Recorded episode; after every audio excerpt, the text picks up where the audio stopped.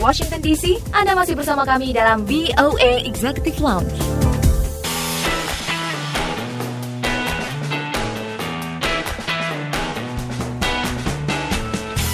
Anda masih mendengarkan VOA Executive Lounge bersama saya Dania Iman. Kalau tadi kita sudah mendengarkan cerita dari Citra Ramania yang mewakili Indonesia belum lama ini dalam kompetisi CrossFit untuk divisi putri. Sesaat lagi kita akan mendengarkan cerita dari Mahendra Aditirta yang juga ikut dalam kompetisi ini di Amerika untuk divisi putra. Langsung aja kita ikuti obrolannya bersama reporter Vina Muptadi berikut ini. Halo Mahendra Aditirta, apa kabar? Oh baik baik, apa kabar? Baik, gimana nih kesannya setelah mengikuti pertandingan CrossFit Games untuk pertama kalinya dan juga pertama kalinya sebagai atlet Indonesia ya? Iya pertama kali sebagai atlet Indonesia. Impresinya sih ya bangga sih, kayak bisa bawa bendera Indonesia ke tanah internasional kan ya, apalagi kan yang kepilih dari Indonesia kan cuma satu juga maksudnya satu cowok atau cewek jadi ya bangga banget sih pengalaman terus ekspektasinya gimana? Kan pasti sebelum berangkat udah tahu akan sulit. Lebih sulit dari yang dibayangkan terus uh, kayak overwhelmed juga lah sebenarnya. Karena kan atlet-atlet dari luar kan ternyata juga lebih hebat-hebat dari yang dibayangin. Tapi mereka semua sangat humble jadi ngobrol sama mereka juga fun juga sih.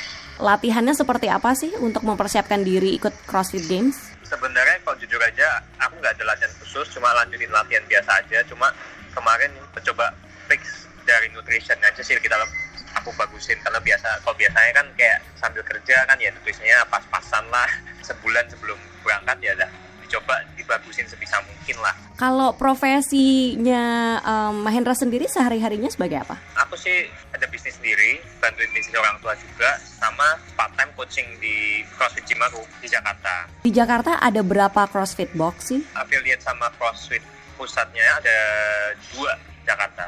Dulu ada ada lebih banyak sih, cuma beberapa mereka udah nggak memperpanjang affiliate sih. Apakah yang boleh mengikuti pertandingan CrossFit Games hanya yang resmi dari afiliasi?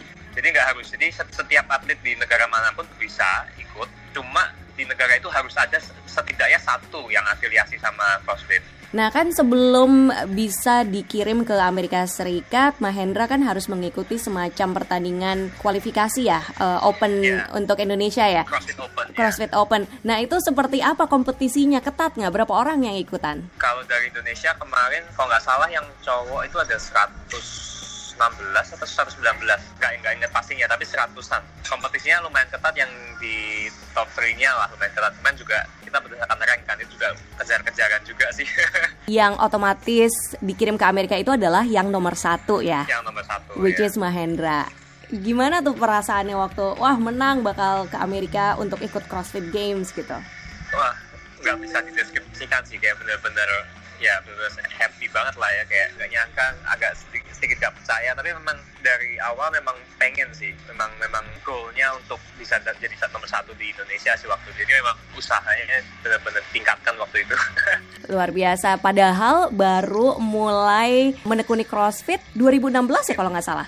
2016 ya. Tiga tahun lebih dikit lah sekarang pertama kali ikutan CrossFit itu gimana ceritanya? Kenapa CrossFit gitu? Kenapa bukan olahraga lain gitu? Olahraga lain sih dulu aku dari dulu juga lumayan aktif sebenarnya dulu suka sepedaan kadang-kadang lari badminton basket gitu juga cuma CrossFit kan lebih ke physical fitness keseluruhan ya dulu sih awalnya ikut karena diajakin temen sih diajakin temen terus dulu kan ngeliat temen itu kan dulu latihan suka latihan bareng sama teman kan dia habis ikut CrossFit kan dia tiba-tiba tuh jadi fit sama kuat banget kan orangnya jadi ya pasti ada sesuatu yang benar nih di latihan dia gitu kan. Makanya apa ikutan.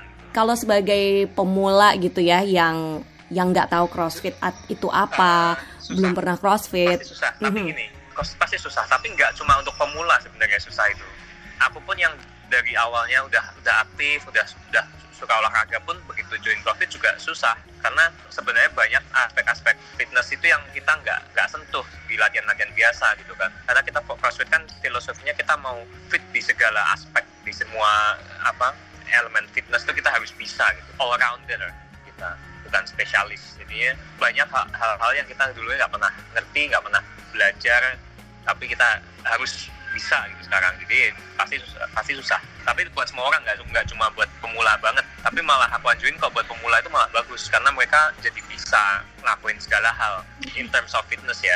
Kemarin waktu pertandingan di Madison, Wisconsin, apa aja tantangannya? tantangan pertama itu panas sebenarnya. Kemarin itu kebetulan terik banget di sini. Kita kan nggak nggak biasa juga lah olahraga panas-panas gitu. Maksudnya olahraga apa crossfit panas-panasan gitu kan nggak biasa satu itu sih. Kedua sih memang levelnya memang tinggi sih di sini. Beban yang digunakan juga lebih berat juga lebih tinggi itu semuanya di add, add all together jadi ya it's very challenging for us. Kemudian di eventnya itu ketika bertanding eh, apa aja yang harus dilakukan dalam waktu berapa menit harus diselesaikan semuanya?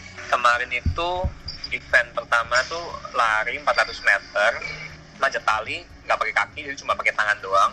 Itu tiga kali sama ada gerakan weightlifting namanya snatch itu beratnya 185 pounds ya itu tujuh kali. Tiga movement itu kita harus selesaiin 4 rounds 4, 4 ronde. Dalam waktu 20 menit ya. Susah sih. Gimana? Susah ya? Susah sih Bah- bahkan banyak apa eh, atlet-atlet internasional mereka juga nggak nggak bisa finish. Tapi banyak juga yang finish sih, yang yang top top ya yang sekarang mungkin nggak juara itu.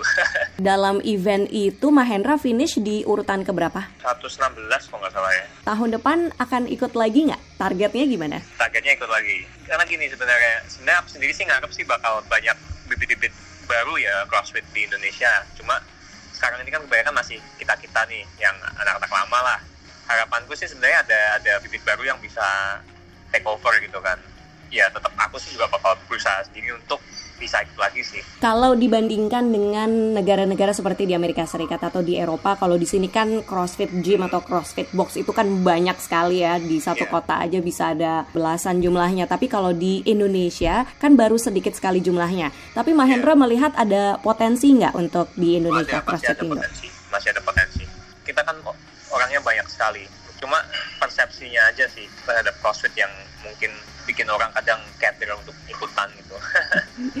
Persepsi orang apa sih? Karena eh, susah atau karena mahal? karena susah sih kayaknya.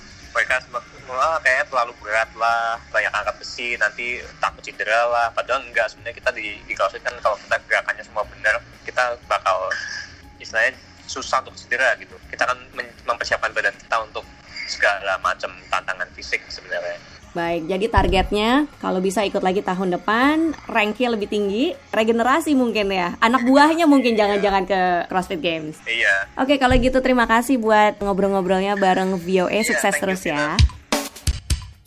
Ingin tahu berita menarik, terkini, dan terpercaya? Ikuti kami di Instagram at VOA Indonesia.